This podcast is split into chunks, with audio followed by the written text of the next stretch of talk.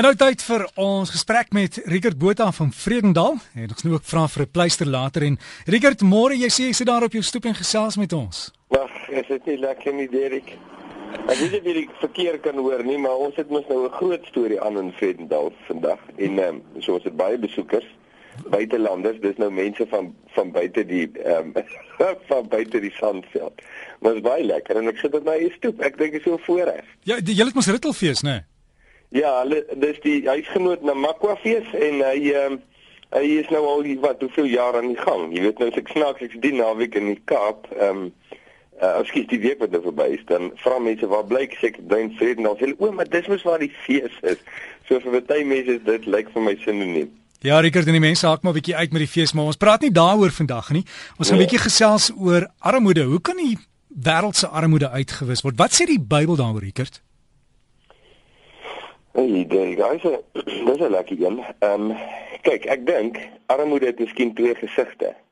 Die die een is dit is die klein gesiggie en die ander een is die grootte. Die die klein gesiggie is die een wat ons altyd sien en altyd oor hoor. Jy weet so daar's al simposiums en forums en jy weet wêreldseminare wees oor kom ons wis armoede uit, jy weet en en ons het hierdie mense wat geweldig sukkel en gaan baie swaar met hulle en en ons moet hulle help en ons bewillig fondse of beplan. Jy weet daar's groot mense praat, mense presidente, ministers, groot storie.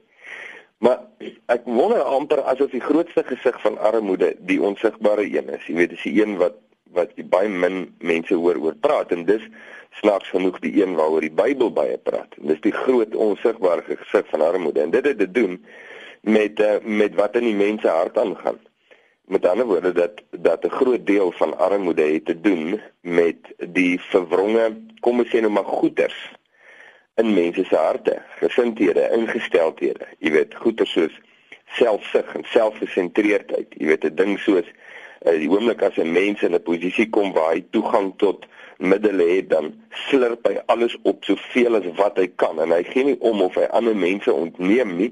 Hy hy moet net miljoene der miljoene der miljoene in die banke en hy sit dit in Switserland en hy sit dit hier jy weet en so aan. Steek dit hier weg en daar weg en en en mense mense vergaan. Dis die dis die een deel van onsigbare gesig dink ek het te doen met daai gedeelte. Die ander gedeelte is ek ek kom agter baie mense uh, lei self direk uh, deur hulle te doen aan armoede gewilliglik snaaks genoeg nê en dit is omdat hulle nie wil hulle wil nie werk nie. Nou ek weet dis 'n fisieke hore geryde ding en dit is nie veronderstel om die dam nou onder eend uit te ruk nie, maar daar's definitief iets daaroor te sê dat ek ken mense wat onsaglik arm is, maar hulle hulle hulle wil dit wees uh en hulle sal baie graag hulp wil hê om hulle uit hulle situasie uit te help, maar solank hulle niks hoef te doen om jy weet om mee te werk nie. Hulle wil nie, hulle wil jy weet, hulle wil doen wat hulle wil doen en dan moet ander mense hulle help. Nou Daai ding spreek die Bybel baie sterk aan. Kom gee 'n voorbeeld want dis mos nou eintlik wat jy my vra. Die Bybel sal sê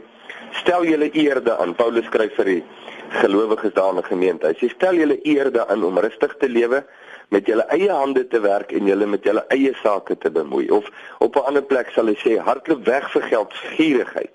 Dis die wortel van alle kwaad. So hy, hy spreek baie direk hierdie groot onsigbare gesig van armoede aan En dis die on um, kom ons sê die nie populêre deel daarvan want dit het nou te doen baie diep met persoonlike goed in ons harte.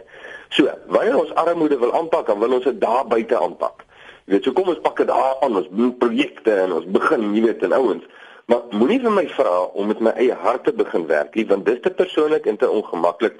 En ek dink dis die een deel van uh, die armoede gesprek wat ons dringend nodig het om te hê. Reger die rol van die kerk in die hele proses moet ons nog steeds maar verby daai arm plekkies ry en dan jou dierklere gaan gaan gaan wys daar in die kerk?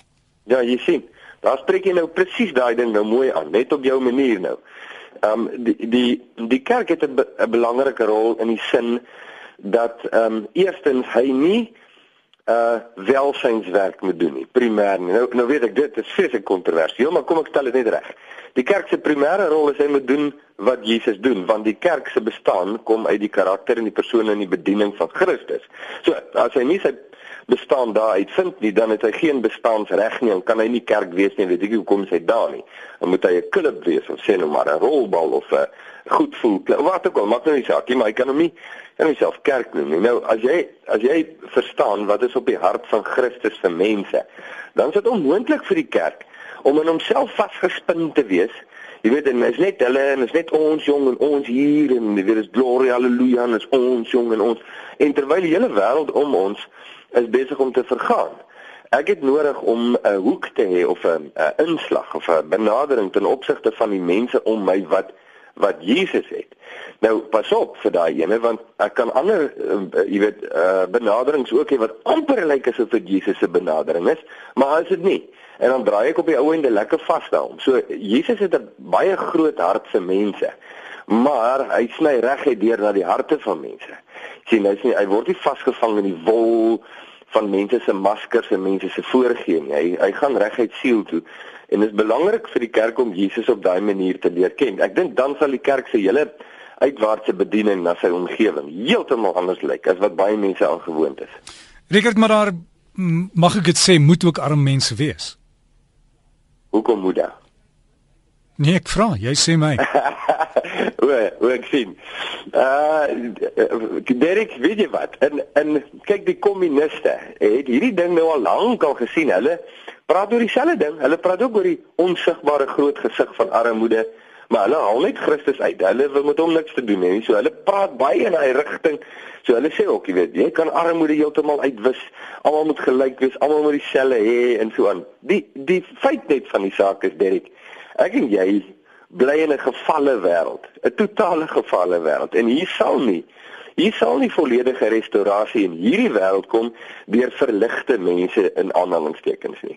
Die enigste manier hoe verligting kan kom is onder die, en dit is wat disippels van Jesus absoluut glo met hulle harte, is onder die heerskappy van Christus.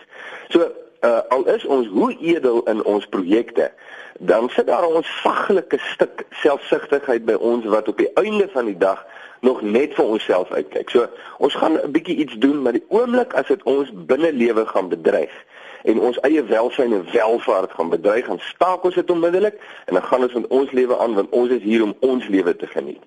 So as jy daai mentaliteit het en oral waar jy hom het, kan jy maar vergeet as jy dink jy gaan wêreldarmoede nou uitwis. So dis waar die kommuniste dit heeltemal mis het want laat ek dit net sê, ek het 5 jaar in 'n kommunistiese land gebly. So hulle het met al daai pragtige ideale het hulle gekom en ek bedoel hierdie is nou nie rocket science nie, almal weet dit, maar ek sê dit net. En hulle het 'n heeltemal 'n nuwe armoede geskep want die ouens wat aan die beheer is van sake sit met dieselfde vervalle toestand in hulle harte. So terwyl hulle alles uitdeel, deel hulle die meeste vir hulle self uit. Ek het dit gesien, ek was daar, ek het beleef. En uh, en, nou hier sit ons. So ons het al hierdie pragtige praat onder mense behalwe om te erken dat ons Christus nodig het en dat ons nodig het om onder sy gesag te staan en die kerk het dit meeste nodig van alles. Ek dink die kerk het nodig om op 'n plek te kom om te erken dat hy vir groot dele van sy handelinge nie self self as 'n kerk nie onder die gesag van Christus staan nie. Jy weet ja. wat doen wat hy of soos die kinders nou sê hy maak soos hy smaak. Jy kan nie maak soos jy smaak as jy as jy sê jy's 'n volgeling van Jesus nie. Sê dan ietsie anderste, dan het jy integriteit. Maar as jy sê jy's 'n volgeling van Jesus en jy gaan nog net so aan, jy weet soos almal om jou dieselfde gesindhede en alles, dan dan is dit 'n geweldige verleentheid. Moet jy of jou gedrag verander of jou getuienis. En jou pleister vandag, Rickert?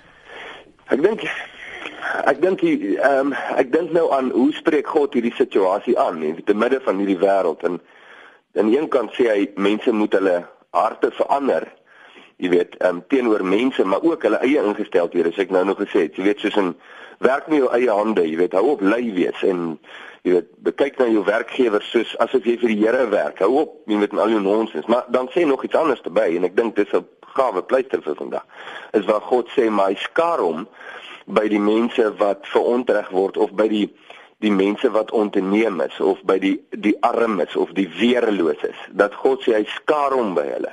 En ek dink daar daar sit 'n geweldige ding. Ons kan nou nie oor praat nie.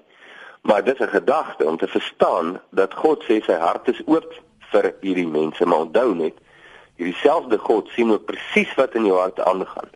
Jy kan nie hom flous nie. So as jy met wol besig is, jy weet, kom na die Here toe en sê Here, jy het nodig om my te reinig en in enige proses van reiniging is wonderlike genesing. Richard, waar kry mense jou? Facebook sal 'n goeie plek wees. Ehm um, ek uh, in Jesus se voetspore en hy het 'n blou knoppie, soos jy nou al weet. As jy nog nooit daarop was nie, dan druk jy die blou knoppie op staan like. As jy die eerste keer al kom en dan sê deel van die gesels. Ons sê Richard, alles van die beste en lekker naweek en geniet dit daar op die stoep.